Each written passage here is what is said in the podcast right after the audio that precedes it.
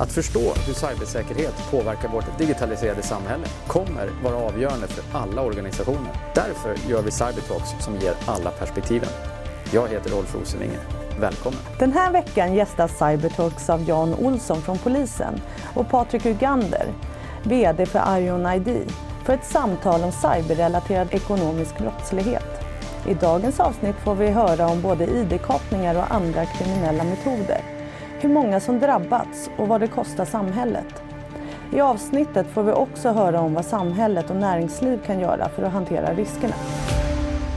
Hej och välkomna till ytterligare ett avsnitt av Cybertalks. Idag eh, har vi med oss Jan Olsson från polisen och Patrik Ugander från ett företag som heter Iron ID. Eh, och ni ska få chansen att presentera er gärna eh, lite alldeles strax. Eh, men jag, vi har inte träffats eh, förut, eh, men jag tror att vi delar allihopa en, eh, en idé om att vi behöver vara ute och prata lite grann om riskerna med den digitaliserade världen. Men det som jag också är intresserad av och som jag tror att ni kan bidra med är också att inte bara beskriva riskerna utan faktiskt också vara med och diskutera lösningarna. Så det ska vi prata om lite grann idag. Så välkomna till Cybertalks. Tack. Tack. Eh, men vi kanske ska börja med en liten kort introduktion här och reda ut eh, titlar och arbetsplatser och så vidare. Jan, eh, berätta kort. Ja, jag kommer från polisen och har varit där i 28 år kan man ju ifrågasätta för sig.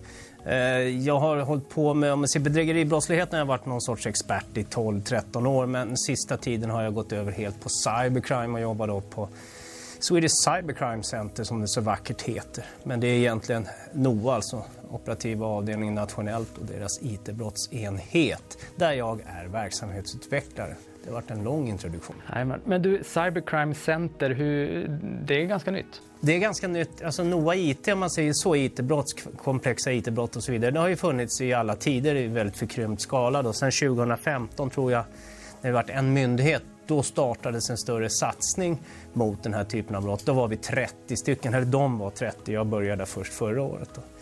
Eh, då kan man ju tycka att med nästan fria tyglar att anställa hur många som helst, varför går det så långsamt? Idag är vi då alltså 83, vi fortsätter växa. Det, det är ju för att det inte är så där jätte, jätteenkelt att få tag i kompetent personal då, i kombination med en lönebild som kanske inte motsvarar den privata sfärens lönebild. Men vi är på väg. Vi är på väg. Och vad är, för de som inte känner till Cybercrime Center, vad är de viktigaste uppgifterna som centret har? Ja, alltså det ska vara center och, och excellence då mot övriga Sverige. Vi ska ju naturligtvis Eh, där utreder man komplex cyberbrottslighet, det är alltså DDoS-attacker, eh, trojaner i pyjamas höll jag på att säga, men all den här typen av brottslighet som inte kanske man kan göra på lokal, lokal nivå. Och sen så har vi det andra området som är eh, nästan ännu större, det är alltså internetrelaterade sexuella övergrepp mot barn och som sker över nätet, man streamar de här våldtäkterna och så vidare. Det jobbar vi också med. Men säg att det är, utgör 50-60 procent av verksamheten. Den resterande det är att bygga upp kunskap för att andra i landet ska kunna utreda exakt just de här brotten. Och då bygger vi upp regionala cybercrime center just nu faktiskt. De är inte klara än men de är god bit på väg. Så varje region av polisområdena, det är alltså sju regioner i Sverige, ska ha ett eget center av excellens för att kunna ta de mest komplexa brotten, både när det gäller de renodlade cyber kriminalitetsbrott och de när det handlar om sexuella övergrepp mot barn. Just det, så att man kan, om jag förstår det rätt, så har centret både ett antal operativa mm. uppgifter men också eh, uppgifter att utveckla metoder. Ja, framförallt strategiska och utvecklande uppgifter, absolut. Att det, sker, det är det som sker då på NOA helt enkelt. Och det tror jag är en väldigt bra eh, poäng och därför tycker jag det är speciellt roligt att ha det här. För jag är inte säker på att så många ännu känner till eh, vad, vad centret faktiskt gör. Mm. Eh, jag tror att det är en viktig strategisk fråga för Sverige. Kul. Eh, Patrik, du ska också få chansen såklart att eh, beskriva lite grann vad, vad du kommer ifrån och representerar här i samtalet. Ja, jag eh, sitter eh, nu som eh, VD för ett bolag som heter Ion ID som i praktiken är ett bolag som fokuserar på proaktiv identifiering egentligen utav läckor av ID-perspektiv. Alltså personnummer, e-postadresser, lösenord, kreditkort och, och, så vidare. Och det där har vi då byggt en, en tjänst av. Men jag tycker att det operativa ordet här är i praktiken just den proaktiva delen. att man försöker fånga upp saker och ting som kan skada individer och, och företag innan de faktiskt har gjort någonting med uppgifterna. Min bakgrund däremot, jag började på eh, INID eh, april i år så jag är ganska ny i bolaget. Eh, jag har primärt egentligen en bakgrund inom eh, telekom, eh, ett antal eh, år, närmare 14 på Telia eh, Company, eller då hette det Telia Sonera. Och där jag egentligen har jobbat med produkt-, erbjudande-, utveckling, försäljning, marknadsföring. Men jag hade faktiskt under eh, en period så hade jag också ansvaret för hela den eh, säkerhetsportföljen som Telia hade primärt mot företag. Alltså produkter för eh, hantering av DDoS-attacker och mm, även olika typer av eh, ID-lösningar, alltså för säker ID-hantering. Mm, föregångare egentligen till, till BankID om man ska vara riktigt ärlig. Eh, Därefter, innan jag började nu på eh, det här bolaget, så eh, jobbade jag också eh, under fem års tid i försäkringsbranschen. Så att man kan säga att min samlade kompetensbild är väl egentligen eh, både att jag förstår hur telekom, telekomindustrin eh, fungerar, hur den jobbar och opererar, men, eh, men även både bank och försäkring. Och just i vårt fall så är det en nyckel därför att vi distribuerar våra tjänster genom eh, dem som kanaler. Däremot så har jag alltid haft ett väldigt stort intresse av och nyfikenhet kring teknik. Jag är absolut inte tekniker på något sätt, men jag är, eh, är ändå rätt så här technical savvy. Liksom. Och framförallt så gillar jag teknik som är disruptiv. Alltså sån som går in och utmanar befintliga liksom, modeller, processer, gammalt tänkande och som har möjlighet att förändra. Tyvärr är det samma teknologi som också framgångsrikt används just för cybercrime eh, många gånger. Eh, och där man faktiskt också kan konstatera att eh, flera av de communities och grupperingar som finns inom det området är dessutom väldigt, väldigt duktiga på det de gör. Det är inte gärdsgårdsserien. Eh, tvärtom. Det är nog snarare då stridspiloterna i, i, i det här. Vilket ju också skapar ett ganska stort problem. Det är de vi aldrig får tag i. Ja. Mm. Precis. Nej, men om vi ska eh, med den bakgrunden någonstans så att säga, försöka cirkla in lite grann på eh, hela biten då kring cyberrelaterad ekonomisk brottslighet, om vi ska använda det som någon slags samlingsbegrepp. Men en väldigt central del i det här är ju just identiteterna. Men ska vi försöka börja sätta den? Varför är, är den biten så central? Ja, det, det är ju så att tittar, tittar vi på begreppet bedrägeri då, det är enskilt största brottet vi har i Sverige idag, så, så handlar det om att du ska vilseleda, så ska göra vinning och den du vilseleder ska göra en förlust. Det är liksom konceptet. Och hur vilseleder det då? Ja, i ordets rätta bemärkelse så gör det ju faktiskt det genom att utge dig för att vara någon annan. Och när du utger dig för att vara någon annan måste du också bevisa det och därför då har du kanske en falsk ID-handling eller annat. Det vill säga du stjäl någon annans identitet. Det är det som är förbrottet eller grunden till det, det efterkommande finansiella brottet. Då. Yes. Och det tror jag eh, det är, ju, det är en viktig komponent i det här. Vi pratade lite grann innan också om Eh, att det finns ytterligare aspekter på varför våra identiteter har blivit så viktiga. Och, och en av de saker som du pratar om Patrik är också att hur lätt det har blivit att kartlägga någon och att det är ytterligare kanske ett skäl att vara extra så att säga, mån om att skydda sin identitet. Ja, det handlar inte om... Alltså man kan ju säga så här att mm, man tar en e-postadress till exempel så eh, är det ju så att den är oftast känd bland väldigt många olika personer av naturliga skäl. Jag har ju spritt den själv genom att eh, skicka mejl eller eh, använda den som användarnamn och liknande. Så att i sig är inte den eh, ett problem. Det som är väldigt specifikt med den är att den är unik. Ur ett globalt perspektiv så är det en av de få unika identitetsbegrepp som finns överhuvudtaget. Nästan alla andra typer av nummer, identifieringar, de eh, går att hitta andra tror det var någon vi hittade kreditkortsuppgifter som eh, är byggda enligt samma sätt som man eh, till exempel identifierar eh, element, alltså vanliga värmeelement, produktnummer på dem. Så man kan få upp sådana när man söker på, på ett kreditkortsnummer till exempel. Men med den e-postadressen i kombination med andra informationer, ofta sådana som vi inte heller tänker på. Det är till exempel IP-adressen som ofta ligger eh, bakom varifrån du har liksom varit uppkopplad. Som då kan skapa en historik vad du egentligen eh, har gjort eh, med din dator, vilka sajter du har varit inne på och så vidare. Och det där skapar egentligen en ganska bra kartbild av eh, dig som individ. Och mm, vi ser ju det här ganska tydligt eftersom vi letar efter den här typen av data på internet som då har stulits eller förkommit på olika sätt från det som man då trodde var en låst eller säker datamiljö. Eh, och när man då går in och slår på de här så, eh, så hittar man ju både det ena och det andra. Alltså allt ifrån lösenord som går att koppla till det här användarnamnet eller eh, hemadress eller namn på familjemedlemmar eller vilka olika social media som du, eh, som du finns med på eh, och så vidare. Och med, med, den insikten så är det kanske också dags i samtalet att någonstans försöka kvantifiera problemet. Och eh, jag tror jag läste i Dagens Nyheter här i 24 juni, jag tror att det var du Jan som, som var med där och eh, där beskrev man att hälften eh, tror jag det var, av Sveriges små och medelstora företag har på ett eller annat sätt blivit utsatta för olika typer av cyberrelaterad ekonomisk brottslighet och där är någonstans också ID-kapning blir som, som, som, du beskrev tidigare ett genomgångsled. Men det här är ju ett samhällsproblem. Ja, det, att det är ett samhällsproblem. Jag har gjort beräkningar som gör gällande att om du bara tittar på bedrägerier nu, bara bedrägeri, ingenting annat. Och så tänker du en bruttokostnad. Vad kostar bedrägerierna samhället? Det är alltså bedrägeri mot dig, mig, företag, organisation, myndigheter.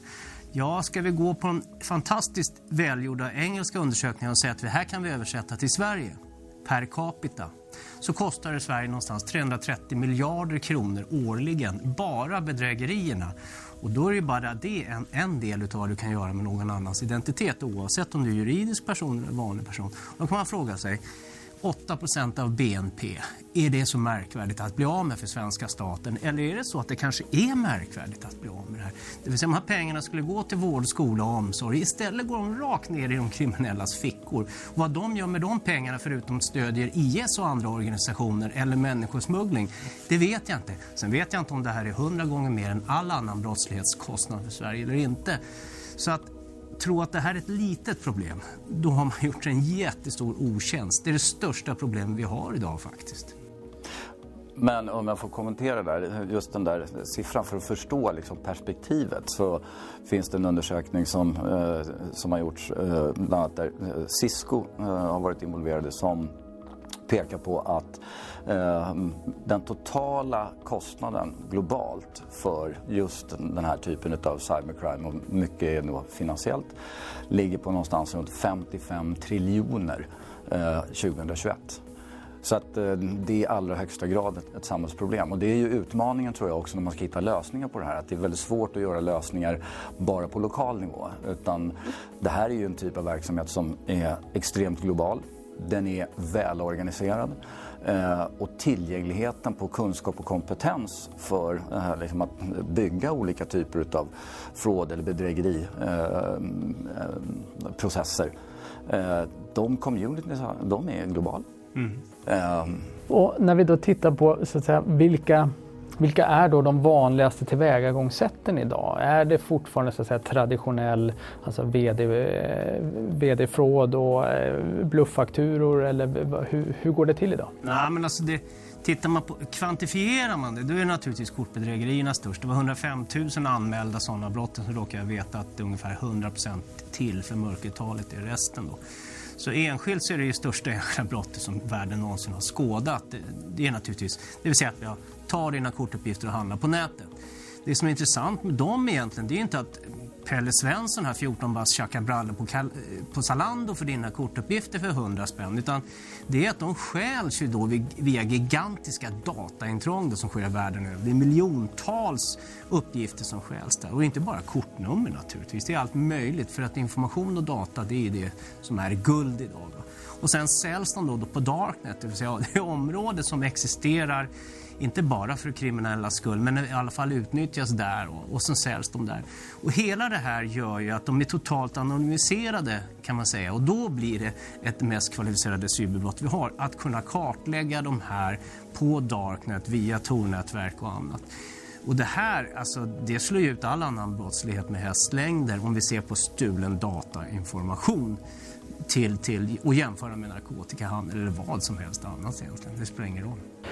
Är du beredd att sträcka dig så långt så att du säger att det här är ju faktiskt någonting som, som påverkar i förlängningen tilltron till digitaliseringen av samhället? Ja, du, det, här är, det här är inte bara ett samhällshot, det är hot mot det monetära systemet eftersom man totalt avsaknar tilltro till de betalningslösningar som erbjuds när man hela tiden märker att ens uppgifter stjäls.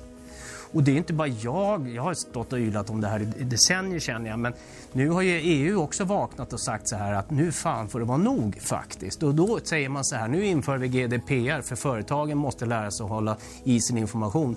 Sen så inför man PSD2, alltså Payment Service Directive 2, som säger att ja, ni får inte handla med europeer, ni handlar på nätet eller fysisk butik om inte ni kan identifiera kunderna då får ni inte vara med. Alltså det här säger inte de för att de tycker det är kul att införa de här regleringarna utan det är för att EU har fått nog.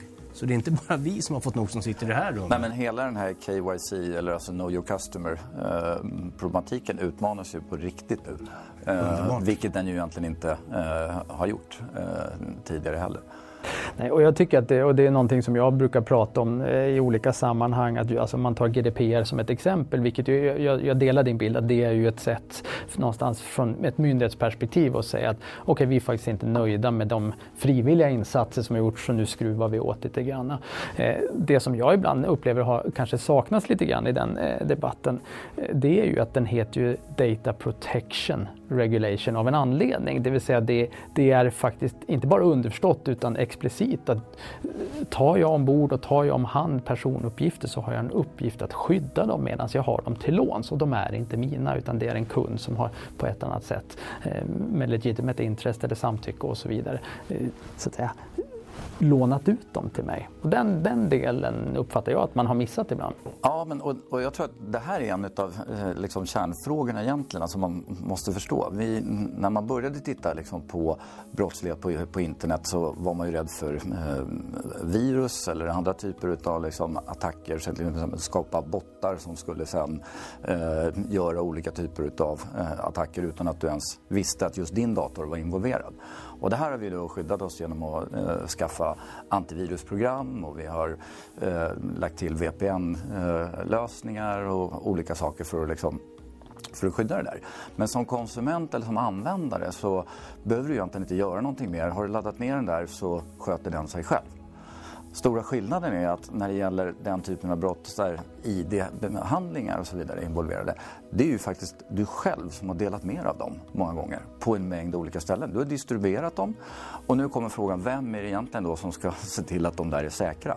Och det är ju då bland annat vad GDPR åsyftar att göra. Men det handlar också tror jag om att skapa en kunskap och en insikt hos eh, oss som internetanvändare om vad vi faktiskt delar med oss av. Eh, och det tror jag också är den, den eh, enskilt största grejen som kommer att ha effekt, det är att skapa insikt och kunskap. Därför att du kommer aldrig kunna, kunna ta bort det fenomenet, att du faktiskt delar med dig av de här uppgifterna eh, och att det finns olika sätt att proaktivt hantera det.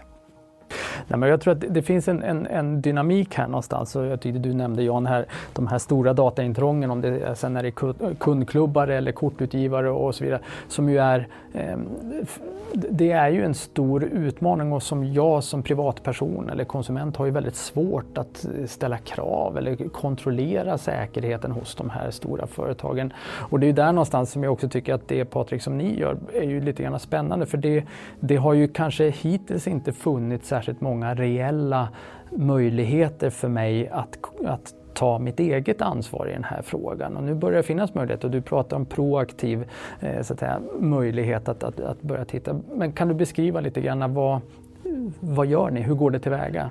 Ja, man kan säga att det, det består egentligen av eh, tre stycken olika delar kan man säga. Den första delen är att vi aktivt hela tiden letar efter eh, data som har, har stulits eller förkommit på olika sätt. Och då gör vi det både på den delen av internet som är den publika delen eh, och då använder man viss teknologi för att göra det, så kallade scrapers och crawlers som hela tiden letar efter vissa typer av assets kallar vi dem då. då. Och en e-mailadress till exempel är en asset. Sen vad vi gör egentligen är att vi eh, rent säkerhetsmässigt så, eh, så kodar vi all den här informationen. Vi strukturerar den på ett väldigt specifikt sätt eh, och så lagrar vi den där. Och jag kan ju fascineras över hur mycket data man har lyckats samla in under ganska få år. Vi pratar om mm, alltså, miljarder utav assets som man har samlat på sig liksom, med de här. Det andra sen vi gör eh, egentligen det är att vi, eh, vi bygger egentligen ett gränssnitt för en slutanvändare, alltså en vanlig konsument eller en vanlig eh, individ. Där man eh, får tillgång till en, en portal. I den här portalen så kan du själv välja att lägga in olika typer utav eh, ID-begrepp. Det kan vara kortnummer, det kan vara passnummer, lösenord eh, och så vidare. Och så fort vi hittar, antingen en historisk eller en ny läcka någonstans som vi identifierat, så får du en notifiering som säger att nu har, nu har ditt eh, lösenord eller din e-mailadress dykt upp. Eh, och mm, vi berättar också vilket sammanhang, vilken typ, om det är till exempel Dropbox i en sån här storläcka som många som har haft gamla e-mailadresser kommer att dyka upp i. Men det finns eh, en mängd, både stora och små. Så då mm, eh, får du veta vad. Vad var det för typ av information som identifierades i den här läckan? Så att man också så här, även om du bara lagt in din e-mailadress så ska du veta att i den här läckan så hittade man IP-adresser, man hittade kortnummer, lösenord och så vidare. Och sen utifrån det så ger vi en rekommendation eh, av vad du bör göra för att minska risken för att bli utsatt för ett framtida brott eller en framtida kapning egentligen. Just det. Och det här tycker jag är, det är ju lite spännande därför att nu har vi ju vi har levt med det här problemet ett antal år nu. Eh, och jag upplever att det har ju inte funnits så många konkreta lösningar. Eh, det har funnits råd om vad man ska göra för att begränsa spridning men samtidigt konstaterar vi eh, liksom med samhällets digitalisering så, så, sprider vi de här personuppgifterna på ett helt annat sätt därför att vi vill det, för att vi vill få erbjudanden från kundklubbarna och så vidare. Men jag har som, som konsument och privatperson haft ganska svårt att ta konkreta eh, alltså vidta konkreta åtgärder själv. Och det, jag tycker det är spännande att det börjar växa fram eh, tjänster men jag kan göra ett komplement till det där. Att någonting som kom väldigt tidigt i marknaden det är också en passiv typ av eh, tjänst som ska skapa någon form av trygghet för, för kunden. Men det är egentligen eh, försäkringsprodukter, alltså eh, ID-stöldsförsäkringar och så vidare. Men de syftar ju egentligen till att ge dig någon form av ekonomisk kompensation när det har hänt. Eh, så det är ju mer att, okej, okay, om jag utsätter mig för en stor ekonomisk risk så kan jag få hjälp eh, med den. Till det så har det också byggts upp en del såna här eh, supporttjänster där man kan på olika sätt få hjälp att till exempel eh, återta en, en förlorad identitet och så vidare. Men mm, där kan man, tycker jag, diskutera lite grann hur bra de tjänsterna egentligen är. För att eh, ligger det eh, saker och ting på ett låst forum så kan du inte ställa bort det hur mycket du än vill. Men det som har saknats är just den, den proaktiva delen. För, för flödet här för kunden handlar om insikt, kunskap och möjlighet att agera. Alltså handlingskraft. Och, men om man då hamnar i situationen, vad, vad ska man göra? Vad, vad, är det, alltså att man har blivit av med sin, sin identitet? Vilka, vilka, är, vilka är de bästa råden? Men alltså, vi, vi måste börja från början. Vi har varit inne på det hela tiden här. Kan jag skydda min identitet? Nej, det kan du inte. Finns det ett skydd mot bedrägerier? Nej, det spelar ingen roll vad alla de här företagen försäkrar dig mot. Du kan inte skydda dig mot ID-intrång och du kan inte skydda dig mot identitetsstöld överhuvudtaget och inte heller mot bedrägerier.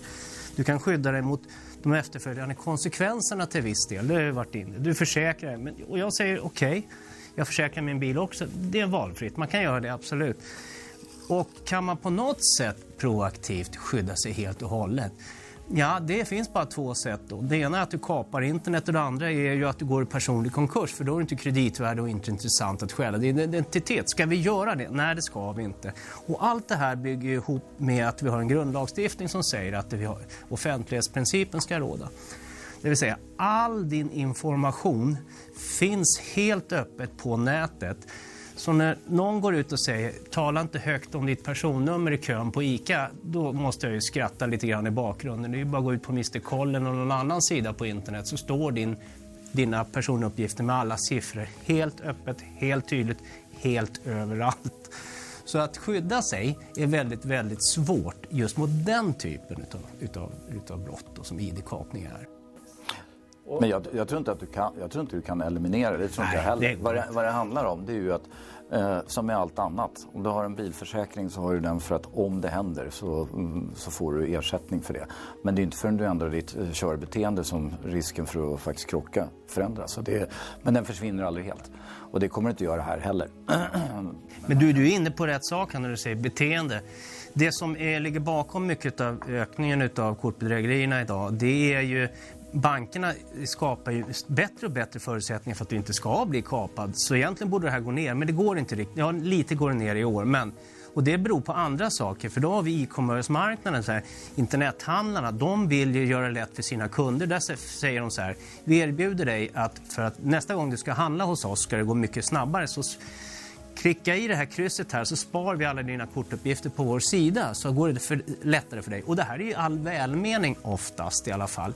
Och då säger jag det ska man definitivt inte göra för där informationen finns, det är där den stjäls ifrån. Så du ska aldrig spara din information på någon sida överhuvudtaget. Du får ta det omaket att skriva in dina uppgifter en gång till. Just det. Och en annan dimension av just den här problematiken är ju dessutom att det är ju rätt vanligt att man återanvänder lösenord. Så de, de, de saker jag använder eh, privat eh, kan ju råka vara samma jag använder för inloggning på jobbdatorn. Och då tänker jag lite grann, alltså, vad ska arbetsgivarna göra? Ja, alltså mm, vad arbetsgivarna kan eh, göra är ju egentligen att man måste titta på lite hur man eh, alltså hur man låter liksom, sina anställda använda eh, liksom e-postadresser och, och mm, lösenord. Men eh, ett sätt att göra det, det är ju till exempel att eh, se till så att personalen har så kallad password manager till exempel som är ett sätt att skapa unika lösenord på varje respektive sajt. Vissa avseenden kanske du ska vara så smart så att du inte ens har samma användarnamn i form av samma e-mailadress heller. Eh, det beror på lite vad du har för beteende på internet och var, du, var någonstans du lägger upp dina credentials. Så att säga. För jag tror att det finns en, en, jag tror att det finns en potential här därför att de flesta stora företag, organisationer, myndigheter för den delen eh, har man ju en historik av att eh, jobba med awareness på olika sätt. Eh, och min bild är att de flesta har ju haft de här stora mer allmänna awareness-briefarna. Man har kanske haft e-learnings, man har gått vidare, haft microlearnings och man har haft en del event och, och så vidare. Och nu står man lite grann och famlar efter så att säga, vad är nästa steg? Och där tänker jag att det finns en möjlighet för arbetsgivare att ta ett steg att, att genom att hjälpa de anställda att bli säkrare, kanske framförallt på, sin, på den privata sidan, så kommer de både ta med beteendet men också eh, så minskar man faktiskt risken för företaget. Jo, och dessutom finns det en ganska naturlig koppling till det. Eh, Du tillhandahålls till exempel en dator och en mobiltelefon av arbetsgivaren. Eh, Och sen så har du då eh, ett antal olika, du har lösenord och lite användarnamn och och e-postadress. Och det är ju de som används många gånger för att ta sig in. Eh, du har packat den här utrustningen med olika typer av säkerhetsskydd för att stoppa virusattacker och, andra grejer. Men du har inte gjort någonting för att påverka beteendet. Så jag skulle ju också, mm, till exempel, nu talar jag ju i egen sak, men jag tror att man som företag till exempel skulle se till att personalen har tillgång till exempel till eh, sån här ID-monitorering eller darknet scanning eh, tjänst. Och man kan också lägga den på IT-sidan och så liksom se att alla domäner som vi har, eller den domän, huvuddomän vi har med alla subdomäner och allting, hela tiden bevakas. Så att man faktiskt också kan säga att Oops, är du, nu har vi fem personer på jobbet vars e-mailadresser dykt upp här. Då kan man ganska snabbt också gå in och säga bra, då ska du ändra eh, lösenord på det här. Eftersom det oftast då är kopplat till inloggning till exempel i Exchange-servrar eller Jag tror att det, det, det företagen ska göra när det gäller lösenord är att fundera på vilken personal har access till vilken information. Och jobbar de överhuvudtaget kvar eller har de kvar sin access utan att ens vara anställda längre? Och sen som vi säger, jag jobbar ganska mycket ihop med Ann-Marie på Internetstiftelsen, hon är en av de sju nyckelbärarna i den här atmosfären. Hon, där, på ett, de sista ett och ett halvt åren så har, har, vi, har alla gått ut med lite olika information. Det här med lösenord, man ska ha olika på varje ställe, de ska vara krångliga eller inte krångliga och så vidare. Och så vidare. Men nu verkar det som att omvärlden har bestämt sig och så även hon då, jag litar fullständigt på henne. Hon säger alltså, hon har två lösenord. Den ena är till den lilla boxen som genererar nya lösenord, precis som vi varit inne på här. Och det kan jag bara tokrekommendera. Men hon säger en sak till. Hon har ett helt annat lösenord till sin mail. Den är intressant. Nu är hon en speciell person, så hon får absolut inte kapas då eftersom det kan missbrukas så häftigt. Men det är lite intressant att vi kan komma överens om att egentligen, för oss vanliga användare, åtminstone vanliga företag, så ska man ha den här lösenordsboxen som genererar och ett enda lösenord till den så är man så pass safe man kan begära åtminstone. Ja, precis. För det där är två helt olika. Ja. Den får inte kopplas ihop, alltså den här password managern får inte kopplas ihop med någonting annat. Nej. Men det ska man ju också, styrkan i de där är att de oftast ligger dessutom hårdkodade eh, på datorn så de ska inte heller ligga i, i målmiljön. Nej. Och det enda man kan säga så här, vad du än gör, glöm inte bort det lösenordet. nej, nej. För det går inte att återställa resten då. Nej. Och det är hela poängen. Men det är ett att komma ihåg, det borde man klara. Absolut. Skriv inte upp den på papper, ha den i plånboken. Bra, jag gillar när vi blir lite grann konkreta, så det är snyggt. Ehm, men vad, då har vi pratat lite grann om vad man kan göra eh, som, som privatperson. Vi har pratat lite grann om vad företagen eh, kan göra både för att skydda sig själva men också för att eh, bättre skydda sina anställda. Ehm, vilken utveckling sker på myndighetssidan nu? Vart är man på väg? Kommer, nu har vi som du var inne på, vi har haft GDP, sett GDPR, PSD2 och så vidare. Ehm, finns det mer i pipeline? Ja, ja, det gör det ju. Jag ska bara backa tillbaka ett steg. Vi var inne på att man måste informera och utbilda personalen på företagen. Awareness-kampanjer, absolut 10% lyssnar, 90% gör det inte, säger all forskning. Däremot så ska man ta in företag som penetrationstestar personalen, det vill säga man skickar fejkade mejl mm. och sen har utbildningen. Då når det 30-40 alltså 3-4 gånger så bra. Myndighets, eh, tittar vi på, på, på högre nivå Eh, bara för att ge en grundförklaring då. När man tittar på cyberattacker mot Sverige på ett eller annat sätt då är det inte så att Polismyndigheten är ensam svarande för det här. Det är nio olika instanser. Det är Säpo, det är MUST och det är Post och telestyrelsen, bla bla bla kopplat till om, om det är fyra eller fem departement. Så att, Ja, det här kräver ett jättebra samarbete som vi inte riktigt har uppnått. Men det är där den stora utvecklingen har startat. Att vi har börjat samarbeta inom fyra av de här för att tillsammans då, likt i England, då, försöka skapa ett nationellt försvar mot IT-attacker. så på den nivån börjar det hända någonting som, som ändå måste anses vara väldigt, väldigt positivt. Nästa nivå, tittar vi på, på brottsbalken, alltså de polisiära utredningsresurserna, och alla rubriker som säger att polisen är för dåligt utbildade på det här området, ja, det, det skriver jag jättegärna under på att åklagarna och domarna också är. Där tittar vi på inom myndigheten eh, på utbildning för alla anställda och vi är ändå 30 000 så det är en liten, lite häftig, häftig, häftig uppgift att kunna genomföra för att kunna höja kompetensen då.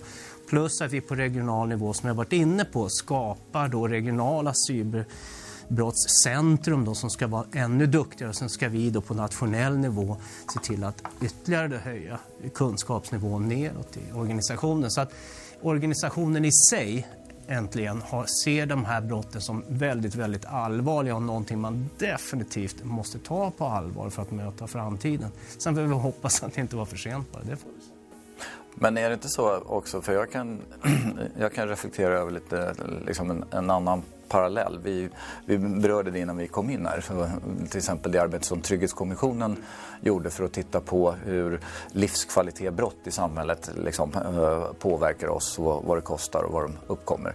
Och då är det oftast eh, hot, eh, hot om våld, det är rån och, och så vidare. Mer personrelaterat. Men sen har man ju även belyst även IT och ID-kapningsbrott till exempel där. Men att eh, där konstaterar man ju också för att hantera det så räcker det inte att eh, lägga hela ansvaret liksom på polisen utan man säger att den, den privata sfären till exempel utav väktare blir, eh, och nu förstärkte man ju det ännu mer med att man liksom säger att man kanske måste flytta mer och mer uppgifter till den privata väktarsfären. Och jag tror att man måste hitta samarbeten här också mellan, när det gäller eh, internetrelaterad brottslighet också, mellan eh, myndighetsutövande och den privata delen för att, eh, att täcka upp det, för att hitta lösningar. För det här är ett samhällsproblem och det är inte bara ett svenskt samhällsproblem, det är ett, det är ett globalt i allra högsta grad. Eh, så man, man måste hitta liksom collaboration, eh, samarbetsförmågor liksom. Ja, det, det, är fullkomligt rätt. Eh, nu när du säger det, på tisdag ska jag vara ner på paneldebatt nere på Almedalen och tala just om det här. Det vill säga diskussionen, eh, Fredrik Reinfeldt på Trygghetskommissionen öppnar ju det, den diskussionen och den ska utmynna i polisen själva klarar inte av det inflöde som sker, det vill säga den brottslighet som kommer in till polisen. Nej, men det kan jag gärna skriva under på. Det vore i sådana fall eh, övermänniskor, men det är vi ju inte. Därför måste ju vi ta hjälp av eh, de externa krafterna som existerar i samhället, som kan det här jätte, jättebra i övrigt. Vad kan de göra? Ska inte de involveras i möjligheten att utreda de här brotten mycket tydligare än vad de görs idag? Och jag är den första att skriva under på att så måste ske. Och i och med att Trygghetskommissionen då kommer in på den planhalvan med den informationen som de då har sett behövs. Att, att de externa aktörerna, privata näringslivet, måste in på banan i ett större samarbete med myndigheterna. Då. Det påvisar ju bara att, att det är så som måste också ske. Det har gått så långt så att det måste hända någonting nu. Och vi har ju gjort det på, alltså det görs ju på andra områden också. Sen kan man diskutera vad man tycker ideologiskt. Men det görs inom sjukvårdsområdet till exempel. Genom att tillämpa privata sjukvårdsförsäkringar är ett sätt att skapa liksom, ökad tillgänglighet för, för eh, liksom, sjukvård i, i, i samhället. Och mm, den här frågan har väl liksom vaknat ganska sent. Nu börjar alla förstå perspektivet när vi liksom börjar sätta siffror och omfattning och komplexiteten liksom som ligger bakom. Att det här är en mycket, mycket större fråga än att man kan bara säga varför gör inte liksom, myndigheter och, och politiker någonting åt det? Jag, jag gillar den här kopplingen eh, till Alltså, när vi nu har konstaterat att det här är ett samhällsproblem och jag, jag håller, håller helt med och det är ju en tes vi har diskuterat tidigare här i, i Cybertalks i andra avsnitt just den, vikten av eh, privat och offentlig samverkan för att lösa det här. Ingen kan göra allt men alla kan, har sin del att bidra med. Eh, jag brukar också eh, ofta när jag kan i alla fall dra paralleller till hur andra gör, eh, och som jag beskrivit tidigare också. Jag, har en hel del anglosaxiska eh, kopplingar på olika sätt. Ehm, och en, en diskussion som jag vet är ganska aktuell i, i USA, eh, Department of Homeland Security, som, som diskuterar lite alltså, hur tar vi oss an det här problemet. Liknelsen som de har gjort där, det är att det de vill åstadkomma, det är egentligen vad britterna gjorde under slaget om Storbritannien under andra världskriget. Man ska härda infrastrukturen, man måste härda folket och man måste vässa sina egna förmågor att faktiskt så att säga, kontrollera eller slå tillbaka. Jag tycker det är en ganska spännande iakttagelse eh, någonstans att, att det är det är dit vi måste. Det finns ett antal olika komponenter som måste börja samverka ännu mer. Ja, så är det ju. Om tittar vi på anglosaxiska, så, så dels DCPCU i England, det är alltså en organisation, det är en arbetsgrupp som sitter och jobbar mot bedrägerier ihop. Hälften, hälften vet jag inte, men en stor mängd är poliser, en stor mängd är bankfolk. De sitter i samma rum med sina system. Banken betalar polisens löner för att det här ska gå runt. Och det de producerar utredningsmässigt är helt sjukt. Kan det här översättas till Sverige idag? Nej, det är absolut omöjligt. Men i en framtid kanske. Och tittar vi på USA som man då kan ha åsikter om, där har de ju någonting i Pittsburgh. Där sitter alltså en, också en organisation där de federala myndigheterna sitter, men det är näringslivet som äger den här konstellationen och de sitter och skrapar just Darknet på information, stulen information. Det är hundra stycken som jobbar där 24-7. Och jag tar ju naturligtvis del av den svenska informationen därifrån. Men till och med i USA fungerar att jobba just på det här sättet, så här nära och intimt. Så att i slutändan så tror jag att Sverige också kommer att anamma sig i övriga Europa också till det här arbetssättet. Holland ligger också ganska långt framme där. Men, men som, som, privat aktör så kan man ju, liksom, det, det, är ju det vi också gör. Vi sitter ju, eh, liksom, Darknet är ju en del av det liksom, som vi skannar och att finnas i de här nätverken liksom, runt omkring är ju helt avgörande för att du ska hitta liksom, den typen av information som, eh, som kriminella nätverk. Det kan jag säga också för att det kommer komma i höst. Nu är jag lite tidig, jag vet inte ens hur mycket jag får prata om det. Men norrmännen har ju, eh, patrullerar ju på nätet då, norsk polis och ser mycket svårigheter med vad de får och inte får göra. De kan inte uppge vad de... Ja, det, det är väldigt komplicerat i alla fall, svårt för dem. Vi kommer att driva en sån kampanj på något sätt mot våra politiker här i Sverige om att vi måste på ett eller annat sätt kunna göra samma sak. Vi har ju polisstationer i Sverige, ja gubevars, de är inte så många kvar som är öppna men överhuvudtaget, men det finns i alla fall en viss tillgänglighet. Men på internet, där är vi inte tillgängliga. Och man måste faktiskt likställa den fysiska och den digitala världen här, för att på, i den digitala världen, där befinner sig folk jäkligt mycket här idag alltså. Ja, men, och det är bra. Det, är en alldeles utmärkt övergång. Tiden går fort när man har roligt. Vi brukar alltid ha små återkommande inslag i podden. Att eh, ta chansen och säga att om du vore statsminister för en dag och fick ha möjlighet att ha cyberrelaterade frågor på bordet, vad skulle du vilja diskutera då? Du har varit inne på det redan Jan. Patrik, vad, vad skulle du vilja få upp på agendan? Eh jag, tror, jag tror att det, äh, det är en, liksom, äh, första hand så är det en insikt liksom, äh, om hur stort och liksom, komplext det här egentligen är. Och sen så tror jag att det handlar om att man måste, man måste våga driva det här utifrån ett kunskapsperspektiv. Alltså ta initiativ till det och, och se till att göra det. Men jag tror också att du måste göra det mellan både liksom den offentliga delen och den privata delen för att du, du ska nå ut. Jag är fortfarande inne på liksom insikt, kunskap, eh, handlingskraft. För vi kommer aldrig kunna överlåta på någon annan att lösa det här åt oss. Varken som individer eller som företag eller som organisation eller myndighet. Insikt, kunskap, handlingskraft. Mm. Skriver vi under på det Jan? Ja det gör vi. Jag lägger till också att det finns, ju, det finns väl ingen som är så fruktansvärt naiv och tror att polisen kan lösa det här problemet eller att det här problemet är polisens överhuvudtaget. Det här är ett samhällsproblem. Och det finns jättemånga duktiga personer inom myndigheten som är duktiga på det här. Men det finns naturligtvis ännu fler duktiga utanför myndigheten. Därför måste de här duktiga människorna tillsammans jobba ihop för att se till att vi minskar antalet som blir drabbade av brott. Så absolut, jag håller med. Jättebra. Så att egentligen kan man säga vi behöver hjälpas åt och vi behöver flytta oss från att vara reaktiva till att också vara proaktiva. Det tycker jag låter som en bra avslutning. Stort tack Jan, stort tack Patrik för att ni ville vara med och till alla lyssnare, until next time. Den här podden är en samproduktion mellan Cyber Insights och Tieto.